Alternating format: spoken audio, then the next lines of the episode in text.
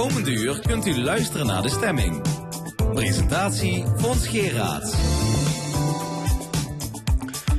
Welkom bij de stemming met vandaag staatssecretaris Remo Knops over de grensblokkade tussen België en Nederland. José Schmitz vanuit Curaçao over de coronacrisis op het eiland. Rechtspsycholoog Harald Merkelbach over de vraag helpt kritisch denken tegen bullshitverhalen. Een column van Reze Komans, maar eerst Christian Hoebe, hoofd infectieziektebestrijding van de GGD Zuid-Limburg en hoogleraar aan de Universiteit Maastricht. Meneer Hoebe, welkom. Goedemorgen. Wat is de stand van zaken in Limburg?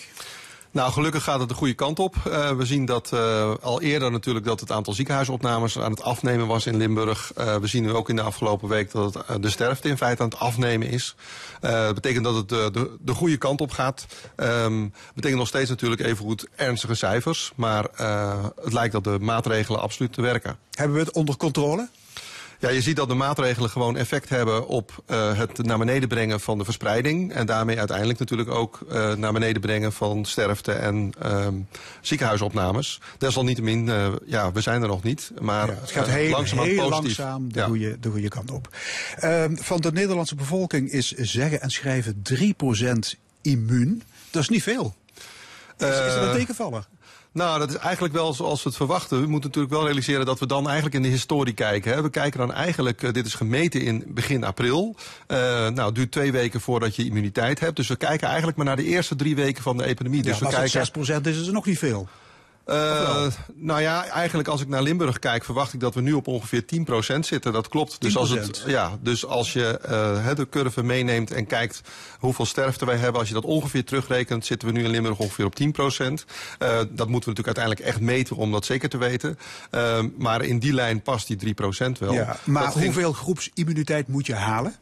Ja, als het om groepsimmuniteit gaat, daar duwt, duwt u natuurlijk op. Dan uh, moet je toch richting de 60, 70 procent denken. Dus daar zijn we voorlopig nog nee. niet. Nee, dan okay. moeten we toch denk ik eerder denken aan een vaccin uiteindelijk om dat voor elkaar te krijgen. Alarmerend zijn de vele sterfgevallen in uh, verpleeghuizen. He, het virus zou zijn binnengebracht door personeel. Hebben medewerkers te weinig beschermingsmiddelen? Uh, nou, het is zeker een vreselijke situatie zoals die in de verpleeghuizen al heeft plaatsgevonden en af en toe nog zo is. Het is niet zo dat, um, uh, ja, het is helaas zo dat zij last hebben gehad van die, die enorme beperkingen in beschermingsmaatregelen en in testen. Dat is ondertussen wel opgelost. Sinds vorige week zijn er veel meer beschermingsmaatregelen naar de dus u bedoelt eerst worden de, de ziekenhuizen bevoorraad en pas daarna komen de verpleeghuizen aan de beurt? Ja, en daar hebben de verpleeghuizen enorm veel last van gehad, Ja. dat klopt. Ja, en dat heeft ertoe geleid, als wij kijken in Limburg, dan uh, kijken we niet alleen maar naar degenen die uiteindelijk getest zijn en overleden zijn. Dan zien we, we kijken in Limburg ook naar degenen die uh, zeg maar zeer waarschijnlijk overleden zijn. Daarvan zijn de meeste in verpleeghuizen. Uh, we zitten op ongeveer 500 uh, overlijdens die dus bevestigd zijn. En nog eens 300 die zeer waarschijnlijk overleden zijn. En dat zijn bijna allemaal overlijdens in de verpleeghuissector. Dus dat heeft dus dat zegt al hoe serieus dat was. Ja, maar het zou toch niet mogen dat personeel onvoldoende wordt beschermd tegen een dodelijk virus? Dat Nou zouden ja, dat- werkgevers toch niet mogen toelaten? Nee, dat zou je niet mogen toelaten en dat zou ook absoluut niet wenselijk zijn. Toch is het dat wel gebeurd. En zien we dat, uh, dat pas in een later stadium, toen er weer meer ruimte kwam, uh, ja, feitelijk meer ruimte is gekomen voor uh, persoonlijke beschermingsmaatregelen, zoals mondkapjes.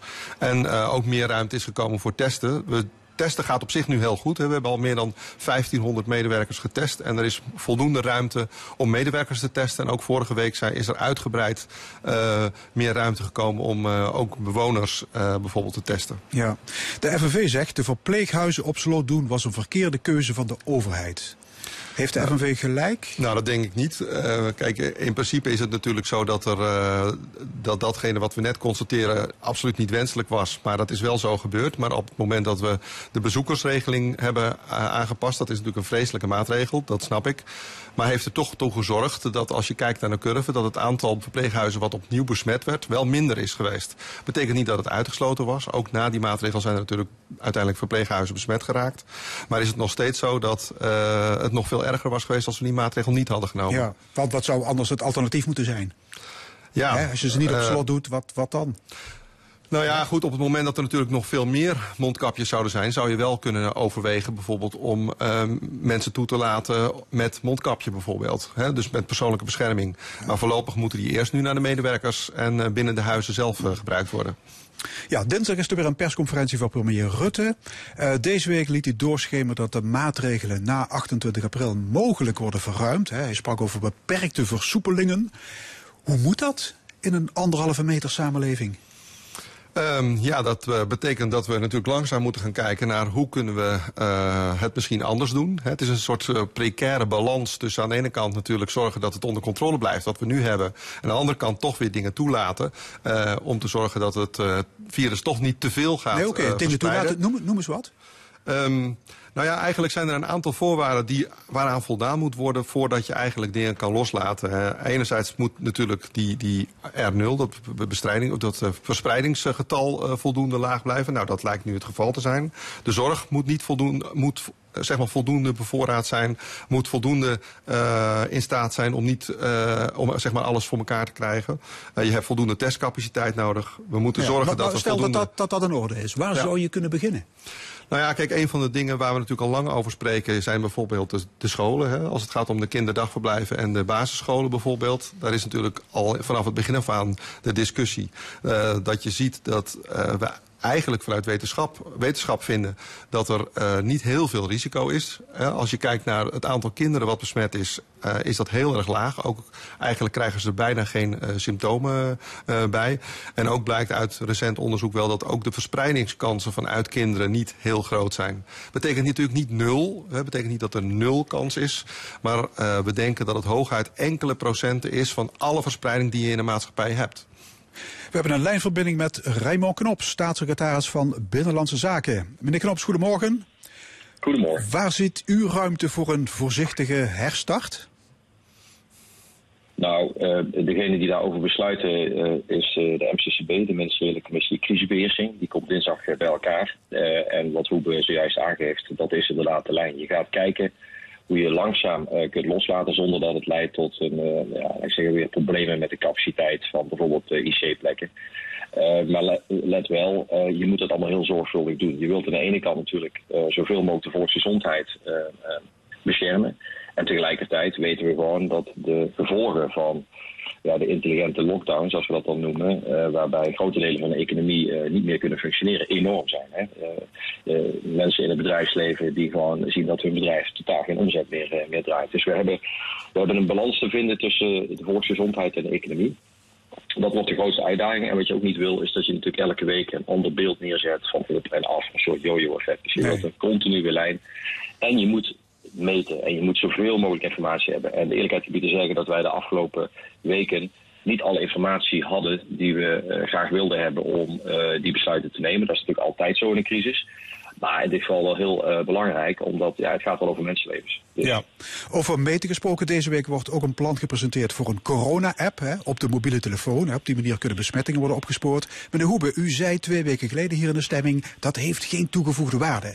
Vindt u dat nog steeds? Nou, ik had het over toegevoegde waarde binnen het intelligente lockdown systeem zoals we dat nu hadden. Kijk, ik denk dat het heel veel toegevoegde waarde heeft. Met name in het transitiefase waarin we nu komen. Uh, waarbij uh, een van de belangrijke dingen is uh, dat we de effecten moeten monitoren. En dat we precies moeten zijn met de maatregelen. Dus hoe preciezer we kunnen zijn met de maatregelen, hoe minder de economische consequenties kunnen zijn. Ja, dus als we de maatregelen wat loslaten, dan is zo'n corona-app zeker nut. Nou, dan... daar zitten natuurlijk een aantal mits en maren aan. Daar wordt nu volop naar gekeken hoe je dat uh, goed kan organiseren. Maar als het zou lukken om veel mensen die app te laten gebruiken... en we daarmee specifiek kunnen uh, inrichten dat met name de mensen die ziek zijn... die corona hebben, met hun gezin thuis blijven heeft dat heel veel effect en kunnen daardoor anderen, misschien juist uh, die gezond zijn, uh, bepaalde uh, economische activiteiten ja. weer zeg maar ontplooien. Met natuurlijk mits en maar een anderhalve meter ja. afstand houden. Ja, u zei al, er zijn veel vragen op het gebied van de privacy. Gaat het via Bluetooth? Worden de data opgeslagen? Is het vrijwillig, anoniem, noem maar op. U bent benieuwd wat er op de bus komt? Uh, zeker. En ik hoop ook dat er iets goeds uit de bus komt. Want ik denk wel dat, het, dat we het nodig hebben en dat het ons kan helpen. Ja, Remo Knops, het systeem werkt alleen als minstens 60% van de bevolking meedoet. Heeft u de illusie dat dat gaat lukken? Nou, ik, ik zou eigenlijk willen aansluiten bij de oproep die premier Rutte eerder gedaan heeft, uh, ook naar de bevolking. Uh, kijk, een van de belangrijkste uh, manieren om de maatregelen die we met z'n allen hebben afgesproken succesvol te laten zijn, is dat individuele Nederlanders zich daaraan houden. En ik, vind, ik ben me heel erg onder de indruk hoe dat de afgelopen weken gebeurd is. dus ten aanzien van gedrag, van afstand houden, van hygiëne. En dat draagt daadwerkelijk bij aan het beteugelen van deze epidemie. En hetzelfde geldt natuurlijk voor het delen van informatie. Als je meten is weten, dus je moet het chirurgisch aanpakken. En dat betekent dat hoe meer informatie je hebt, hoe betrouwbaarder je beeld is, hoe beter je uh, de, de maatregelen daarop kunt afstemmen. En dat vraagt dus ook van mensen om hier aan mee te doen. Dat kan alleen op basis van vrijwilligheid. En ik hoop dat diezelfde bereidheid die mensen gehad hebben de afgelopen periode om in fysieke zin zich aan te passen en zich te matigen en, en, en offers te brengen om daarmee anderen uh, helpen, dat ze dat ook uh, zullen doen. Daar hoort natuurlijk wel bij, uh, wat Hugo ook zei, en ook ambtenaren van mijn ministerie zijn daarbij betrokken, dat je heel goed kijkt naar de privacy, naar wat gebeurt er met die data, wat weet de overheid van mij en wat niet. En wat gebeurt er als deze fase voorbij is. Hè? Dus het moet sowieso iets tijdelijk zijn. het moet niet zo zijn dat de overheid dit zou gebruiken om uh, stiekem data van burgers te verzamelen. Is ook helemaal niet ons belang.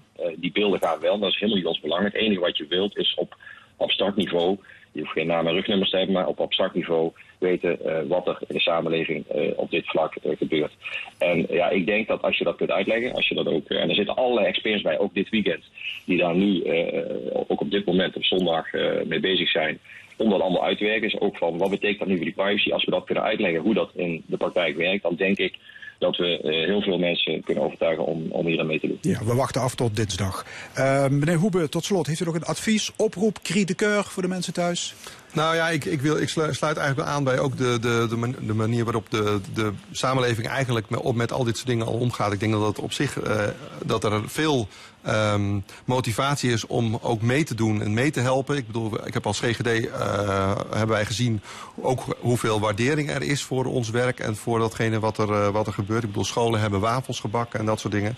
Wat ik echt zeer indrukwekkend vind. En uh, ik, hoor, ik krijg veel positieve geluiden eigenlijk. En dat is ook echt een hart onder de riem voor al die mensen die hier keihard eigenlijk aan werken. En we moeten dan afstand van elkaar houden, maar uiteindelijk moeten we wel hard voor elkaar houden. En ik zie dat dat heel veel gebeurt. en ik zou zeggen, blijf dat ook vooral doen. Christian Hoeber van de GGD en uh, Universiteit Maastricht. Hartelijk dank en tot de volgende keer. Ik ga verder praten met Remo Knops, staatssecretaris van Binnenlandse Zaken.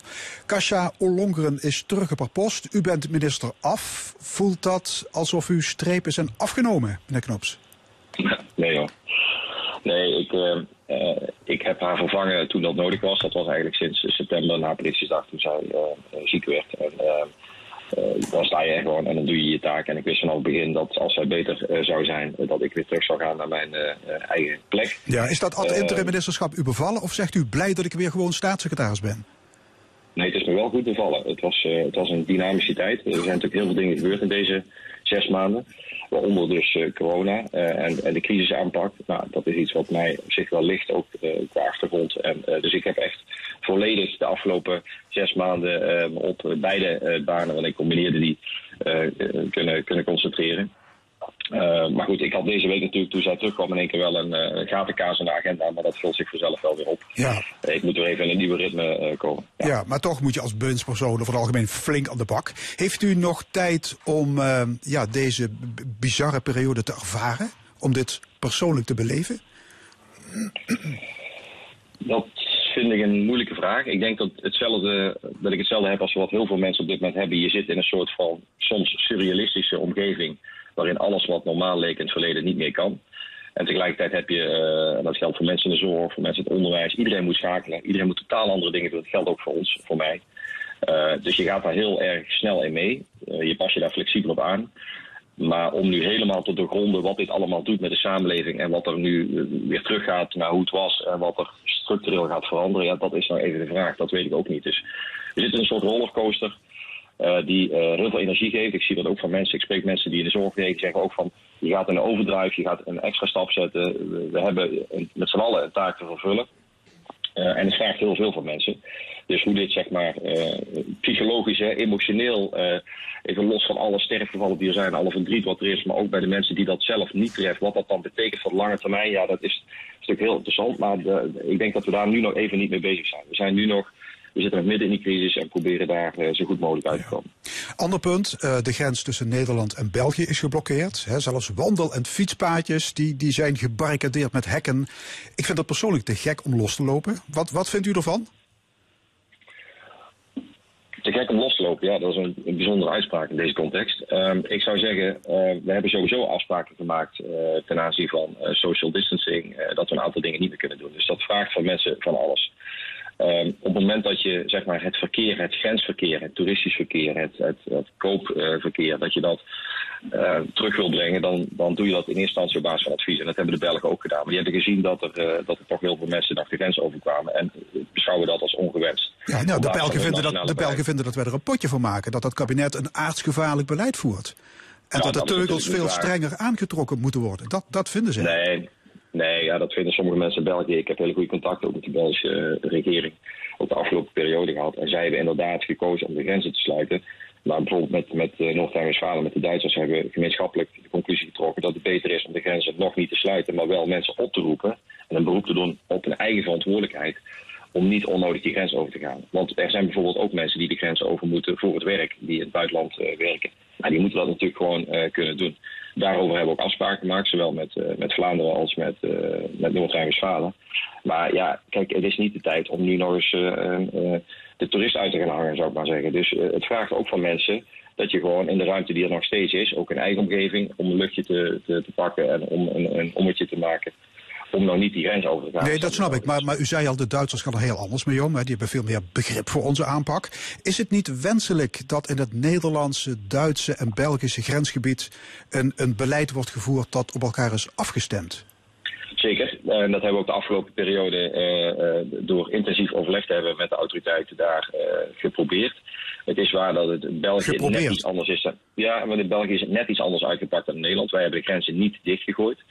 Uh, dus uh, het beleid van Noord-Rijn-Westfalen en Nederland is vrijwel identiek. En dat van België wijkt daar iets aan af. Dat is natuurlijk een nationale bevoegdheid om dat wel of niet om daar uh, toe te besluiten. Wij hebben natuurlijk ook een debat gehad in Nederland waar sommige partijen riepen: gooi de grenzen dicht. Dat hebben we niet gedaan, omdat we ervan overtuigd zijn dat, zeker als je kijkt naar de economische schade die dat oplevert, dat er ook een niet proportionele maatregel is. Dus je moet bij alle maatregelen kijken, wat is wel en niet proportioneel. Maar, ja, maar is, is, is, zo, en dat dit... heeft Rutte ook gezegd, we willen mensen echt ontmoedigen om zeg maar, als toerist de grens over te gaan als dat niet nodig is. Je, ja. gaat alleen maar de grens over in deze situatie uh, als dat echt noodzakelijk is. Meneer Knops, in uw portefeuille heeft u ook uh, koninkrijksrelaties. He, u gaat over de Nederlandse Antillen, als ik dat woord nog mag gebruiken. Ja. Hoe, hoe is die situatie op de boven- en benedenwindse eilanden?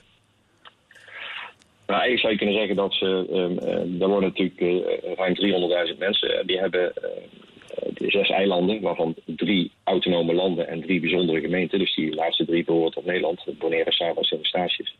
Die hebben al een heel vroegtijdig stadium eigenlijk. Toen zij nog nauwelijks besmettingen hadden, hebben ze besloten tot heel vergaande maatregelen. Dus eigenlijk het, uh, de grenzen dicht. Uh, uh, geen verkeer van buiten naar binnen. En ja, zoals u weet, alle eilanden zijn volstrekt afhankelijk van toerisme. Dus dat zorgt voor gigantische gevolgen voor de economie. Ehm, het aantal besmettingen um, valt in vier van de zes eilanden nog mee. Maar met name op Aruba en Sint Maarten loopt het al aardig op. Er zijn ook al dodelijke slachtoffers te betreuren. En dat, betekent dat op die kleinschaligheid van het eiland, waar ze ook gewend zijn natuurlijk om heel veel contact te hebben, gezien de temperatuur en zo, dat men daar ja, echt zichzelf moet disciplineren. En wij hebben meteen aan het begin uh, geconstateerd dat de medische capaciteit, mocht er een uitbraak komen, te beperkt is. Dus dat heeft ertoe geleid dat we twee weken geleden in de MCCB besloten hebben om uh, medische capaciteit die kant op te sturen. Uh, ja, het marineschip zeg maar... Karel Doorman hè, is maandag vertrokken richting Sint Maarten. Wat, wat is er allemaal aan boord? Nou, de Karel Doorman is één element. We hebben 42 uh, beademingssets uh, die kan opgestuurd per vliegtuig. Dat gaat wel sneller. De Karel Doorman zal 24 april aankomen in het Caribisch gebied. Uh, en die heeft inderdaad ook operatiecapaciteit voor de reguliere patiënten aan boord. Er zitten mariniers aan boord en een detachement van de Koninklijke Luchtmacht met Cougar-helikopters die ook voor airlift kunnen zorgen, voor patiëntenvervoer als dat nodig is. Omdat uh, die eilanden die bovenwinst en benedenwinsten liggen bijna duizend kilometer uit elkaar. Dus je kunt je voorstellen, zo'n schip is daar ook niet meteen. Dus uh, je hebt wat logistieke capaciteiten nodig. En wat wij nu gaan doen, onder leiding van Binnenlandse Zaken, maar met hulp van Defensie, is dat we daar een logistiek centrum gaan inrichten. Waarbij we al die uh, bewegingen, patiëntenbewegingen, maar eventueel ook de bewegingen van uh, IC-capaciteit gaan coördineren. Ja, meneer Klops, blijft u aan de lijn. Ik ga praten met José Schmitz. Ze komt uit Limburg en werkt als uh, advocaat op Curaçao. Mevrouw Schmitz, goedemorgen. Het is bij jullie nog, geen, nog geen half zes, hè? Bent nee, u een vroege vogel? Het is hier nog lekker donker, maar wel een goede temperatuur. Ja. Wat is op uh, coronagebied aan de hand op uh, Curaçao? Nou, um, wat het aantal besmettingen betreft, uh, we hebben veertien besmettingen gehad, moet ik zeggen, tussen haakjes. één patiënt is overleden. Tien zijn er genezen. Uh, twee zijn er nog een thuisisolatie. En één patiënt ligt in het ziekenhuis. dus in tegenstelling tot, tot andere landen valt dat allemaal wel mee. Maar de gevolgen op sociaal en economisch gebied zijn enorm. Als je bedenkt dat hier de helft van de bevolking gewoon onder de armoedegrens leeft. Dat uh, in een normale situatie al kinderen uh, zonder ontbijt op school komen en dat verzorgd wordt door de Rotary. Dat er, ja, dat men heel bang was voor een enorme uitbraak... omdat we maar 20 IC-bedden hebben... dan heeft uh, Izzy uh, Gerstenbloed, en dat is zeg maar de Jaap van Dissel van Curaçao... met zijn team het geweldig gedaan. Ja. Uh, er is een complete lockdown. We hebben een, een, een, een avondklok. Tussen 8 uur s avonds en 6 uur s morgens mag niemand naar buiten. Dan krijgen we twee keer per dag paar uurtjes voor mantelzorg. En sinds eergisteren mag binnen die uurtjes... mogen mensen weer buiten de tuin gaan lopen. En, uh, nou, en voor, voor de rest, alle winkels zijn dicht, alle restaurants zijn dicht. Het is echt economisch een, een, een hele grote ramp. Ja, kortom, wat je noemt een, een, een lockdown. Hè? Curaçao is klein, nog, nog veel kleiner dan Zuid-Limburg. 160.000 inwoners, die anderhalve meter afstand. Hè? Lukt dat? Nou, dat lukt hier prima, want we moeten gewoon allemaal thuis blijven. En dan heb je het geluk dat hier geen hoogbouw is. Dat uh, zeg maar de, nou, uh, 95%, misschien wel 98% van de mensen een eigen tuin heeft. En daar binnen moet blijven. Dat je wel kan leven, dat is allemaal niet het ergste. Met ramen open, deuren open, frisse wind door je huis. Dus dat is niet het ergste. En in de winkels, we hebben dus een, nu op basis van onze kentekenplaat, die beginnen met een letter, mag je twee keer per week met je auto rijden. En op die dagen moet je boodschappen doen. En uh, nou, dat is echt uh, in de rij staan. En komt er iemand uit de winkel, dan gaat een ander erin. Dus men, men, men heeft pijlen op de grond gezet. Dus dat lukt allemaal wel. Maar dus de, de, de armoede en de kreten om eten op, uh, op Facebook, die zijn niet van de lucht. Ja, nu, nu steunt nog... Nederland de Antillen met, met geld en goederen. Hoe, hoe ja. kijkt u daarnaar? Uh, ik kijk daar ik, ik, kijk daar eigenlijk naar met hele gemengde gevoelens. Wij wonen nu 22 jaar hier. En uh, uh, het is een, een ja, iedere keer toch weer een korte termijn politiek geweest. De, de, de regeringen die wisselen uh, ja, bij herhaling, iedere keer weer. Er worden weer gouden, heel populistisch gouden bergen beloofd aan mensen. En dan krijg je een regering waarvan er nu al van, de, van zeg maar, sinds 1010 uh, hebben we regering en toen viel mevrouw Schmitz weg op Curaçao. Meneer Knops, um, u heeft de eilanden een lening van uh, 0% rente aangeboden. He, voor Curaçao is dat 170 miljoen Antilliaanse guldens. Uh, ik heb eerlijk gezegd geen idee of dat veel of weinig is. Ja, die guldens kunt u vergelijken met de, de oude gulden Nederland. Dus ja. uh, uh, delen door iets meer dan twee. Ja, mevrouw Schmid zei net van... ja, ik heb, toch, ik heb toch een beetje gemengde gevoelens... bij die korte termijn politiek van Nederland. Kunt u ze daar iets bij... Nee, ze had het over de, ze had het over de korte termijn politiek van de landen. Van de regeringen van de landen, uh, zo begreep ik. Uh, omdat uh, natuurlijk 10-10-10, hè, dus in 2010 zijn de Antillen opgeheven... en zijn er drie autonome landen ontstaan, waaronder Curaçao. En wat je ziet is dat sinds die tijd er politiek nogal wat instabiliteit is geweest op die landen. En dat de nationale schuld, en dat is ook mijn aandachtspunt van de afgelopen jaren in die landen, behoorlijk is opgelopen. Dus dat regeringen daar eigenlijk kort gezegd te veel hebben uitgegeven en te weinig inkomsten gegenereerd hebben. En dat maakt dus dat je in zo'n crisis zoals nu, uh, waarin alle zeilen bijgezet moeten worden, dat er dan uh, heel weinig middelen zijn om dat uit eigen vermogen te doen. En dat Curaçao onmiddellijk weer aangewezen is op Nederland. Nou, wij hebben gezegd, wij gaan jullie in ieder geval voor die korte termijn die medische capaciteiten om niet ter beschikking stellen. We gaan ook logistieke en militaire ondersteuning ter beschikking stellen. we gaan natuurlijk kijken hoe we jullie ook financieel kunnen helpen. Maar ja, op het moment dat er sprake is van begrotingssteun, dus dat wij zeg maar als Nederland een ander land, in dit geval Curaçao, weliswaar binnen het Koninkrijk, gaan helpen om de begroting op orde te krijgen, dan kan dat alleen maar in de vorm van leningen. Uh, met de minister van Financiën heb ik afgesproken dat wij voor de komende twee jaar een renteloze lening zonder aflossingsverplichting naar Curaçao uh, beschikbaar hebben gesteld. Nou, het allerbelangrijkste wat nu moet gebeuren in Curaçao, maar ook op Sint Maarten en Aruba, is dat er drastisch hervormd uh, moet gaan worden. De pensioenleeftijd zal omhoog moeten, de belastinginkomsten zullen omhoog moeten, de grondexploitaties zullen op orde moeten. Uh, uh, laat ik zeggen, er zijn best wel veel ambtenaren daar in dienst vergeleken met, met bijvoorbeeld Nederland. En daar waar wij de afgelopen jaren echt hebben gezorgd dat onze overheidsfinanciën op orde zijn gekomen, en dit dus ook nu kunnen dragen, deze crisis, zie je dat, uh, dat deze landen in combinatie met de kleinschaligheid, dat die nu een groot probleem hebben. Ja, kortom, er is werk in de winkel voor u als staatssecretaris. Tot slot, welke boodschap heeft u in petto voor de bevolking van uh, Caribisch Nederland? Nou, mijn boodschap is, uh, is toch van, we laten jullie niet in de steek. Uh, maar jullie zullen echt uh, ook een aantal dingen anders moeten gaan doen dan de afgelopen tijd. Want als er nog een keer zo'n crisis komt, dan, uh, dan, dan je het niet meer. Dus Nederland zal zeker bijstaan in de vorm van leningen, in de vorm van acute liquiditeitssteun, wat we nu gedaan hebben. Gewoon dat de landen de rekeningen kunnen betalen. We zullen ook humanitair dingen gaan doen. Medische capaciteit stellen we ter beschikking. Maar ja, uiteindelijk, dit, dit gaat iets worden voor de lange termijn. En dat betekent dat al die mensen die daar ook bij de volgende verkiezingen hun stem gaan uitbrengen, zich wel moeten realiseren dat gratis niet bestaat. En dat je toch ook je eigen beroep zult moeten ophouden. Maar ja. binnen het Koninkrijk gaan we elkaar wel helpen, uiteraard, waar, waar dat kan. Ja, we hebben weer contact met mevrouw Schmid op Curaçao. Ehm, mevrouw Schmid, ja, hoe lang gaat dit duren? Wat denkt u? Nou, wij zijn voorlopig nog in een lockdown. Het is vandaag zondag. De komende week zijn de scholen nog dicht. Men, uh, ik verwacht dat dat nog wel even duurt. Want we kunnen ons geen uitbraak uh, veroorloven. Als de grenzen open gaan en er komen mensen van buiten binnen... dan hebben we volstrekt niet alleen volstrekt onvoldoende capaciteit aan IC-bedden. Maar als je dan ook nog kijkt wat vaststaat, wat geconstateerd is buiten Curaçao... dat mensen die met obesitas en uh, uh, andere onderliggende kwalen... Uh, bijzonder bevattelijk zijn. En, en, en ja, het sterftecijfer onder die mensen met corona heel hoog is. Als je kijkt dat de bevolking hier voor, voor, voor 50, 60 procent obese is... En dat we dan ook nog uh, 10, 15 procent mensen hebben die diabetes zijn. Nou, dan kunnen we ons helemaal niks uh, uh, permitteren. Dan weet je gewoon dat dat, ja, dat, dat bijna de ondergang betekent van het eiland. Ja, ik wens u veel sterkte. Ja, het leven de Cariben speelt zich vooral op straat af. Dus binnenblijven moet een hard gelak zijn. Nou, ik moet zeggen dat, dat, dat wij er niet zo'n last van hebben. We hebben hier ook uh, een, een, dochter wonen met twee kinderen, die werkt van huis. We hebben hier een zoon wonen met een gezinnetje, die werkt ook van huis uit. Dus ja, men mag al blij zijn als men werk heeft en thuis kan werken. Ja. He, dus, dus de grote groep die helemaal niets heeft, dat, dat, dat is het meest verschrikkelijke wat hier gebeurt. Oké, okay. José Schmid op Curaçao en ook staatssecretaris Rijmo Knops. Hartelijk dank.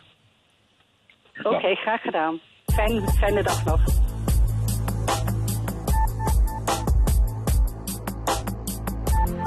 I'll make it through the rainy days.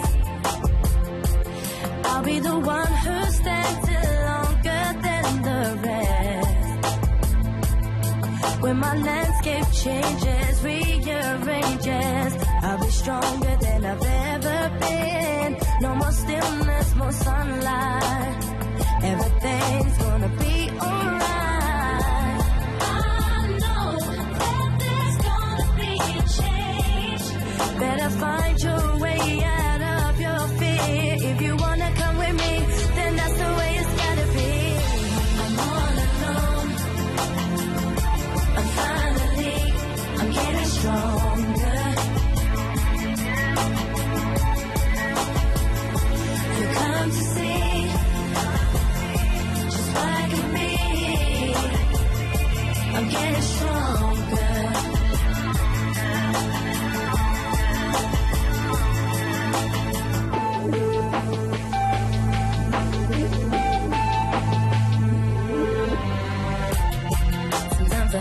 so down and out.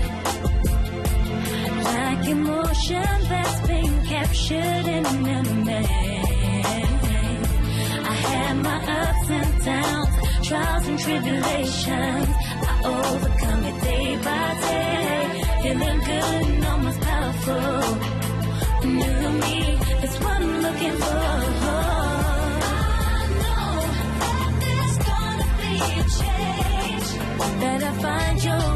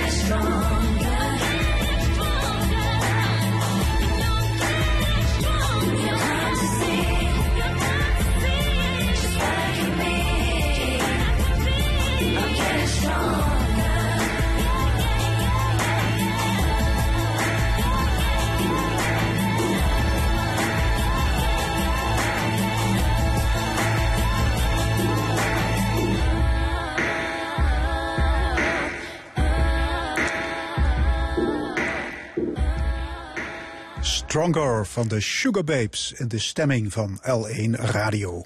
Zometeen de rechtspsycholoog Harald Merkelbach over zijn nieuwe boek Goede verhalen zijn zelden waar. Maar eerst de column van de week. De column. Vandaag met Rezi Kouwmans. De meeste mensen deugen. Dat was de kop van een stuk in de Volkskrant de vorige week. Slechts 10 tot 20 procent van de lui die hebben shit aan alles. Maar dankzij die 10 tot 20 procent zitten veerders nu allemaal op het randje van een zenuwinzinking. Althans, ik wel. Ik ben het mug, kotsmug, om bekeken te worden door camera, auto's en drones. In de gaten gehaaien te worden door apps. En voel aangekeken te worden als ze het gore lef hebt om op die eigen terras morgens een tas koffie te drinken met die broer. Op zelfs meer dan anderhalve meter afstand. Om kwart over tien op goeie vredig ook nog. Mijn broer kwam mij verrassen voor mijn verjaardag. Met een paar schoon kleurige pleintjes verboeten. Maar nog geen keer later, twee wagens, veerman sterk, de handhaving. Jui, jui. Dat mocht dus niet, want het terras, dat is commerciële ruimte. En via de situatie uitgelachen van sorry, nee, dat wist ik niet. Ik heb angst geen boeten en ik woon niet ogen. Dat is mijn broer en we zijn toch gesloten. Dus mijn broer braaf naar huis en weer naar binnen. Zelfs nog een briefje opgehangen dat het ook niet de bedoeling is dat voorbijgangers zich hier even gaan zitten. En klaar, dacht ik. Want tot mijn verbazing stond dezelfde handhaver zaterdags aan de deur, de dag erna. Met de mededeling dat er mij alsnog van hoge hand moest bekeuren. Nou, dus bedankt toe, anonieme beller. Want met deze actie hebben ze mij dus zeer waarschijnlijk een torenhoge boete aangeneid. En dat terwijl ik dus al vijf weken geen rode cent naar binnen heb gekregen. Kijk, in de oorlog hadden ze daar een naam voor. Kijk, veel doen ons best, mijn mensen en ik, om de motor in te haaien, om positief te blijven en met de kleine buffer, waarvoor ze helver gewerkt hebben, zo lang mogelijk de kop boven water te haaien. Ja, verkriegen steun van de gemeente. Uh, dat heb ik dan, maar tot nu toe heb ik daar nog niks van gehoord. Maar dat is max 1500 euro voor ons twee, samen. En dat is ongeveer de helft van wat we aan vaste lasten hebben. En als dadelijk een nieuwe normaal van kracht dan zijn echt de bui al hangen. Dat gaat niet lukken op 50 vierkantje meter om door anderhalve meter uiteen te blijven. Dan moet ik al 5 euro gaan vragen voor een. Of de krukken gaan verhuren per dagdeel. Het nieuwe normaal. Daar kan en wil ik eigenlijk niet aan.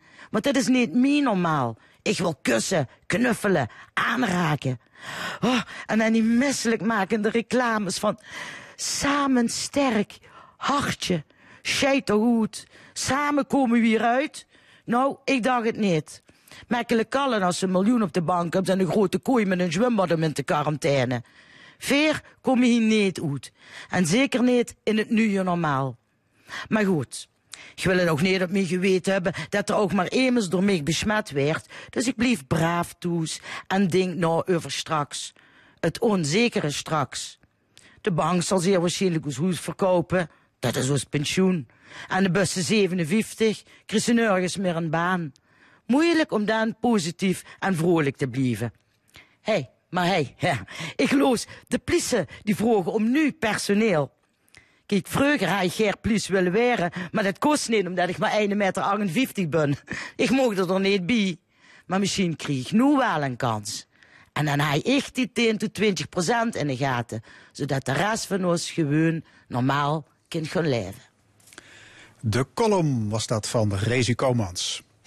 Feiten zijn vaak saai. Reden waarom wij een voorliefde hebben voor verhalen. Die zijn spannend en sappig. Er is één maar. Hoe beter het verhaal, hoe meer we geneigd zijn om kletskoek voor waar aan te nemen.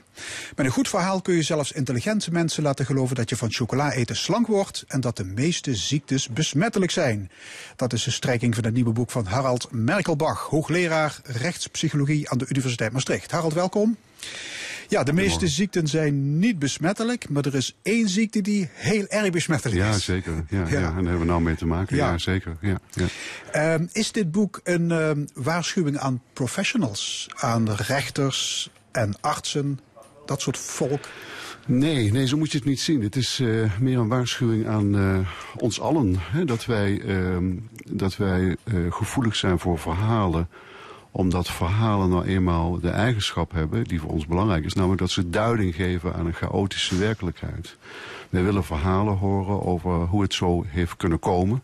En waar het naartoe gaat. En hoe beter gestroomlijnder die verhalen zijn. En hoe meer ze een happy end in het vooruitzicht stellen.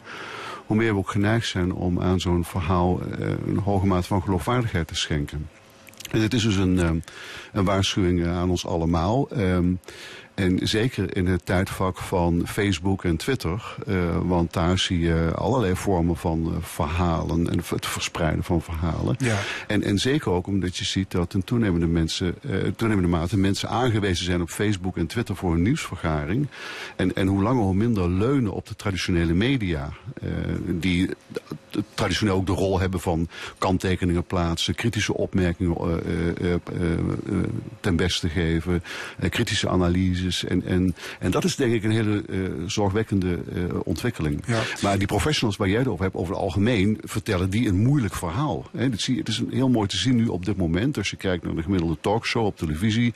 De virologen, die hebben een heel moeilijk verhaal. En het is op, op een uitmuntende manier dat ze die over het voetlicht weten te brengen. Maar het is altijd met mitsen en maren. Het is altijd met kanttekening. Het, is nooit een, het zijn een noodgladde praatjes. Ja, in de inleiding schrijf je naarmate een verhaal beter is gestroomlijnd, gaat daverende nonsens er Ja. meer uitzien als diepe wijsheid. Ja, ja, daar is heel veel onderzoek naar gedaan. En het is inderdaad zo dat als wij leken, als wij een mooi verhaal krijgen voorgeschoteld, dan zijn we geneigd om, te, om, om, eh, om dat voor waar aan te nemen. En zijn we ook minder kritisch. Eh, en daar is, in allerlei varianten is daar heel veel onderzoek naar gedaan. Hè, bijvoorbeeld ook in de rechtszaal. Als iemand een mooi verhaal heeft, een getuige of een slachtoffer of zelfs een verdachte, dan hebben rechters en juryleden hebben de neiging om te zeggen van nou ja, er, er zit weliswaar een inconsistentie in, maar dat is maar een klein detail.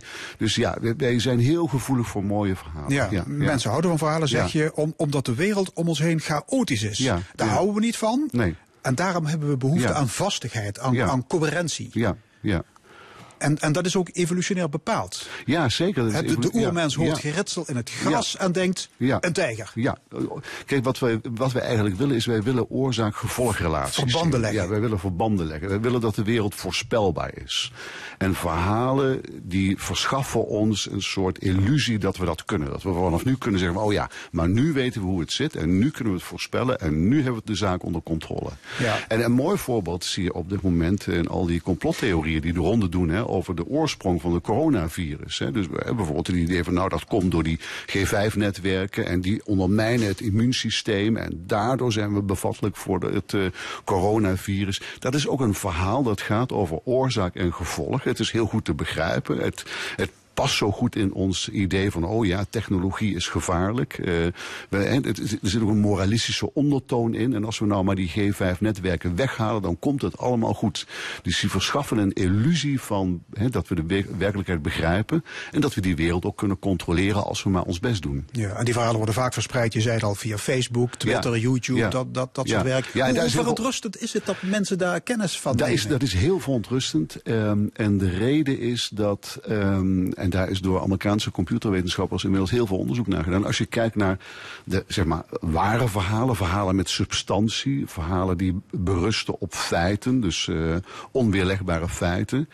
En je kijkt hoe snel die zich via Twitter en Facebook verplaatsen. En je vergelijkt, je vergelijkt dat met de, de broodje verhalen, de nepverhalen. Dan zie je dat die nepverhalen, dat die aanmerkelijk zich sneller verplaatsen. Drie keer zo snel.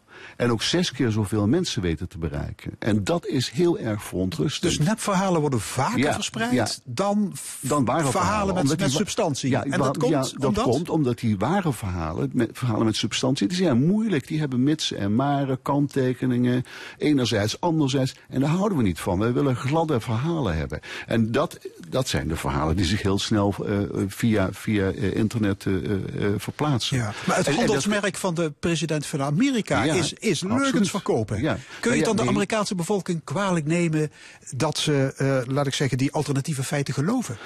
Nee, dat kun je ze zeker niet kwalijk nemen. Ehm, maar overigens, ik denk niet dat het het handelsmerk is van de, eh, van de Amerikaanse president. Eh, Die is Je, nog je noemt die hem is, de kampioen bullshit. Ja, ja dus, maar dat is één stap verder. Kijk, als je, als je leugens vertelt, dan heb je nog een rudimentair besef van dat er leugens zijn en dat er de waarheid is. En dan heb je nog een idee van, oh ja, het is eigenlijk toch niet de bedoeling dat ik hier leugens zit op te dissen. Eh, Trump en zijn gevolg, die zijn dat stadium voorbij. Eh, dat is bullshit. En als je bullshit verkoopt, dan heb je eigenlijk de attitude van... nou weet je, het kan me eigenlijk helemaal niet schelen. Eh, er bestaat niet zoiets als de waarheid. Eh, de werkelijkheid heeft meerdere perspectieven. Er zijn feiten en alternatieve feiten. Dat is een extreme vorm van relativisme... waarbij het enige dat telt is jouw machtspositie. En dat je verhalen dus ook vertelt in functie van het beschermen van jouw Ja, dat is machtspositie. ook het cynisme ten top. Dat is het cynisme ten top. Maar het is niet alleen cynisch, maar het is ook buitengewoon gevaarlijk. En je ziet dat aan de manier waarop Trump bijvoorbeeld omgaat met die coronacrisis. Eh, Dat is, eh, dat is politieke improvisatie van de ergste soort. En, en ja, dat is gevaarlijk. Ja, Eh, jij vindt had- trouwens dat die internetgiganten hè, als Facebook en Google... dat die paal en perk moeten stellen aan, die, aan die bullshit verhalen. Ik- ik vind die Wat stel jij concreet voor? Nou, ik, kijk, ehm, er is heel veel onderzoek gedaan naar wat Facebook en wat Twitter eigenlijk zouden moeten doen om dit tegen te houden. En dat is meer dan alleen maar een flauw uitroeptekentje plaatsen. Dat is dat ze inderdaad de factcheckers inhuren en op het moment dat een factchecker tot erachter komt dat een eh, bericht niet op waarheid berust, dan daar een melding, een bijsluiter bij maken. Zoals we het ook bij medicamenten eh, doen. Een, een actieve bijsluiter. Neem hier kennis van. Dit is nepnieuws. En daartoe zouden Facebook en Twitter zich moeten verplichten.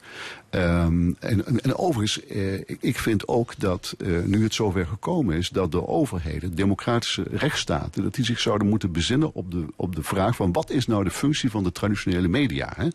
Want we hebben de, de, de, de traditionele radio, televisie, het publieke omroepen, we hebben de Zou het niet eens tijd worden dat we die een steun in de rug geven? Omdat ze namelijk een hele belangrijke functie hebben in het ontmaskeren van, van, van nepnieuws. Als Ja. net, nepnieuws ontmaskerd wordt, is dat zelden door de politici, is dat altijd door de journalisten. Ja.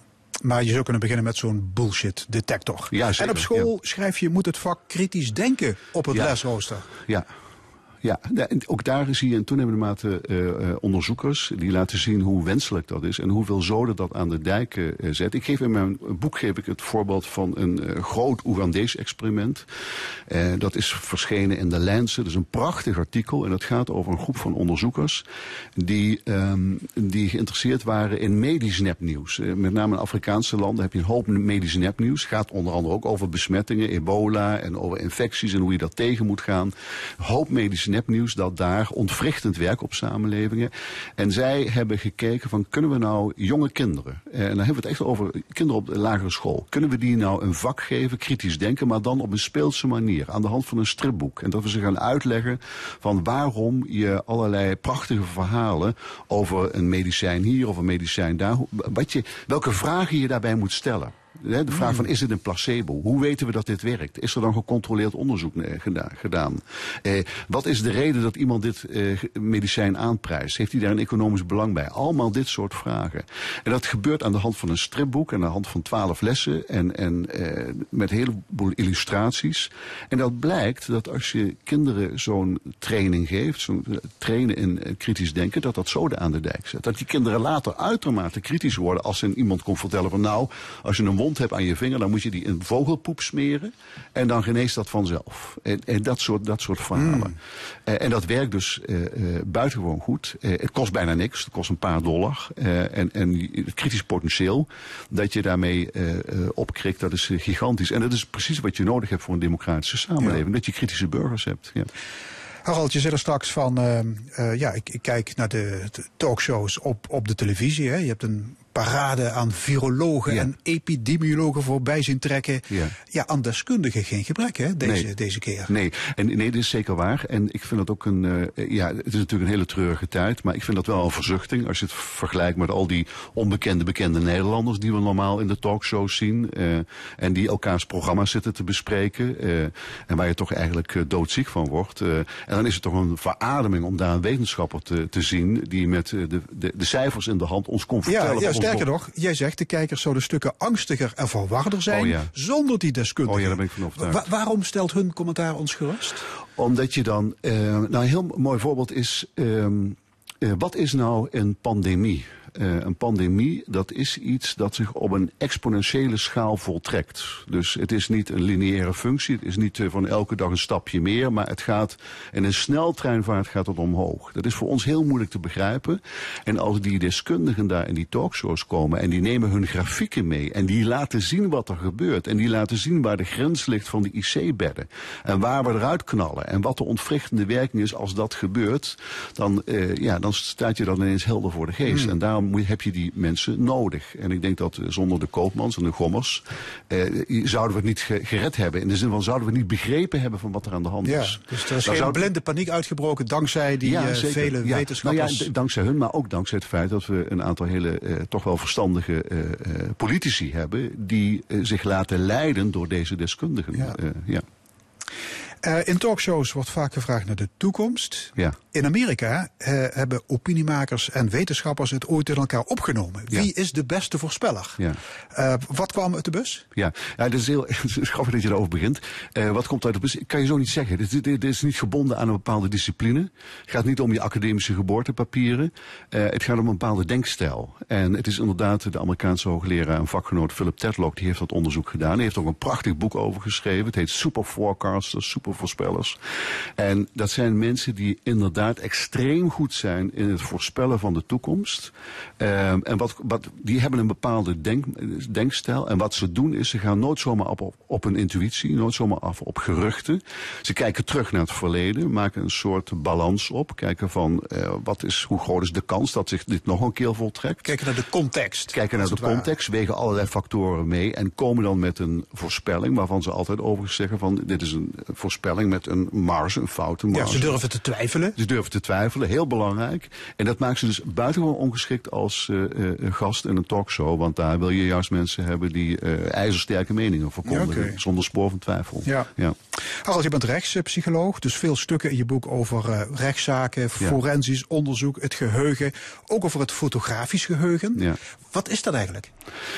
Ja, en fotografisch geheugen, dat zijn mensen die ehm, helemaal terug kunnen gaan in de tijd en kunnen zeggen van nou op eh, 11 april 1982 deed ik dat. Eh, ik at eh, eh, zus en zo, ik eh, ging eh, met die en die op pad. eh, en vaak als je het dan eh, checkt, dan blijkt dat ongeveer wel te kloppen. Eh, en dat zijn dus mensen die extreem goed kunnen teruggaan in het verleden en dan kunnen reconstrueren van wat er op een bepaalde dag gebeurd is. Dat is een fotografisch geheugen. En die mensen zien dat ook zo voor zich. Die hebben, die hebben daar heldere voorstellingen bij. Ja. Ja, maar ik meen begrepen te hebben dat, dat fotografisch geheugen eigenlijk helemaal niet, bestaat. Nou, kijk, kijk ons, ons, als leken denken we dan altijd van, nou, dat fotografisch geheugen, dat zal dan wel helemaal perfect zijn. Dat zal wel helemaal accuraat zijn. Maar het punt is dat die mensen, die halen niet alleen correcte herinneringen op, maar daar worden nog in die, in die vloedstroom van eh, associaties komen er nog allerlei andere dingen bij die niet kloppen. Dus je kunt twee dingen doen. Je kunt dan focussen op hè, wat ze aan, aan treffers hebben, hè, de, de correcte herinneringen. En dat is inderdaad imposant. Maar daar zit ook een hele stoet bij aan associaties die niet kloppen. En daar wordt zelden over gepraat. Dus in die zin is het geen foto. Het is meer een, het is meer een, een, een bewerkt verhaal. Dat is een veel Hmm, betere... dus je moet die mensen toch met een korrel zout nemen. Maar aan de andere kant, Ja, eh, zeker. Je eh, moet ze worden vaker geloofd door de rechter. Ja, dus als- vanwege hun enorme overtuigingskracht. Klopt, Van ik ja. wist precies rechter toen en toen dat ja, dus dat. dat is precies de reden om, om daar ook over te schrijven. Tegen die rechter te zeggen, kijk uit als Ja. iemand komt in je rechtszaal, een getuige die zegt van ik heb een fotografisch geheugen. Ik weet nog precies dat eh, hij stond daar met een baseball en een petje op en hij had een blauwe trui aan. Wees daar voorzichtig mee. Ja, maar ik zou niet graag rechter willen zijn. Nee. Bedoel, er zijn zoveel valkuilen. Is ook zo. Hè, fotografisch geheugen, je moet oppassen met beeldmateriaal. Ja. En dat kan zijn gemanipuleerd. Bekentenissen kunnen vals zijn. Ja. Je weet niet wat de invloed is van antidepressiva op, op crimineel gedrag. Ja. Ga er maar eens aan staan. Nee, volgens heb je gelijk in. Eh, ik zou ook niet graag rechter willen zijn, maar er zijn wel mensen die het moeten doen. En een geruststelling is dat in de overgrote meerderheid van de, van de, van de strafzaken, dan ligt er een, die zijn klip en klaar. Dat zijn klip en klare zaken. Daar is iemand op heterdaad aangehouden, of er is eh, ijzersterk bewijsmateriaal, of daar is niet één getuige, maar er zijn tien getuigen die allemaal hetzelfde hebben gezien. En dat dan allemaal bij elkaar. Dus dat is de overgrote meerderheid van de strafzaken, die zijn niet problematisch. En dan heb je het als rechter, heb je het relatief makkelijk, of schoon je dan nog steeds natuurlijk op je Ja, en een paar hele lastige casussen. Ja, Ja. die zijn niet veel. Ja. Eh, een ander hoofdstuk gaat over Michael Hemels, de ex-leider van de Limburgse PVV en, Ja. en woordvoerder van Geert Wilders. Die is veroordeeld wegens plundering van de partijkas. Het verweer van zijn advocaat was toen: Hemels is verslaafd aan drank en cocaïne, dus verminderd toerekeningsvatbaar, want verslaving is een ziekte. Wat valt daarop af te dingen? Ja, daar valt heel veel op af te dingen. Het belangrijkste is nog wel dat als je kijkt naar ehm, eh, de statistieken, hè, dus naar drank, roken, cocaïne, dan zie je dat eh, relatief grote groepen in de samenleving daar op enig moment aan verslingerd raken. Maar dat ook hele grote groepen in de samenleving daar op eigen kracht van afkomen. Dat zijn mensen die op een zeker moment tegen zichzelf zeggen en tegen hun naasten van nou, het is nu wel genoeg geweest met dat drinken, dat roken en met dat eh, cocaïne snuiven. Ik ga het nu het over een andere boeg gooien. En dat is niet makkelijk en het kost tijd, maar je ziet dat dat toch relatief grote groepen lukt. Daar zijn statistieken van bekend. Ehm, en natuurlijk zijn er dan ook nog een aantal mensen die moeten naar een hulpverlener en die doen het samen met de hulpverlener.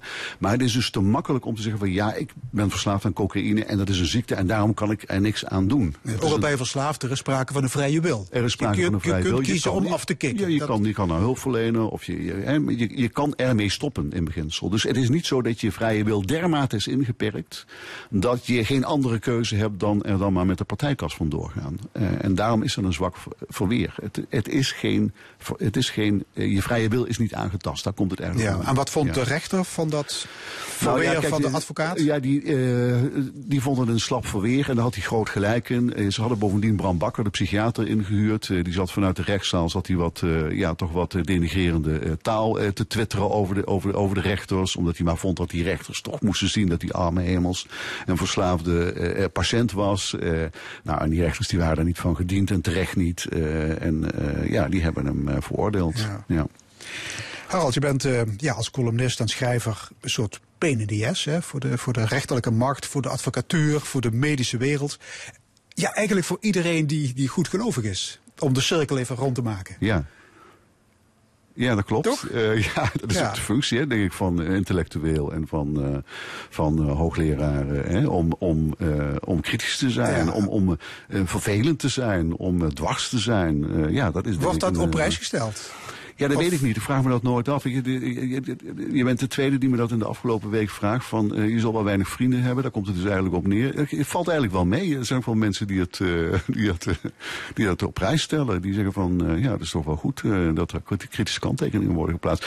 Overigens, ik, ik- dat geldt ook voor mijzelf. Hè. Ik heb ook collega's die kritische kanttekeningen bij mijn werk plaatsen. En dat vind ik, eh, ja, dat, dat is, dat is natuurlijk niet goed voor je ijdelheid. Dat, eh, eh, maar het is wel de, de bedoeling van wetenschap. Zeker. En je, Ja. je moet een heel nuchter persoon zijn. Ja, dat ben ik eigenlijk ook wel. Ja, ja. Geloof jij niet dat er meer is tussen hemel en aarde? Nee, geloof ik niet. Nee, ik- Bertrand Russell die zei dat altijd mooi. Die zei van, eh, waarom zou je het geloven? Wat is de, wat is de, waarom, waarom, waarom hebben we daar, eh, wat is de, van waar die behoefte? De, Eh, Britse filosoof. ja, Russell. ja, waarom zou je iets aannemen zonder dat daar een duidelijke reden voor is? Wil jij geloven dat er een geest in je schuur zit? Ja, waarom zou je het willen aannemen? Wordt zo'n zondag. Harald Merkelbach, hartelijk dank. Het boek Goede Verhalen zijn zelden waar is verschenen bij uitgeverij Prometheus. En tot zover de stemming. Tot volgende week zondag 11 uur. Zometeen kunt u luisteren naar Dit is L1 met Ruben Wekers. Ik wens u nog een mooie dag.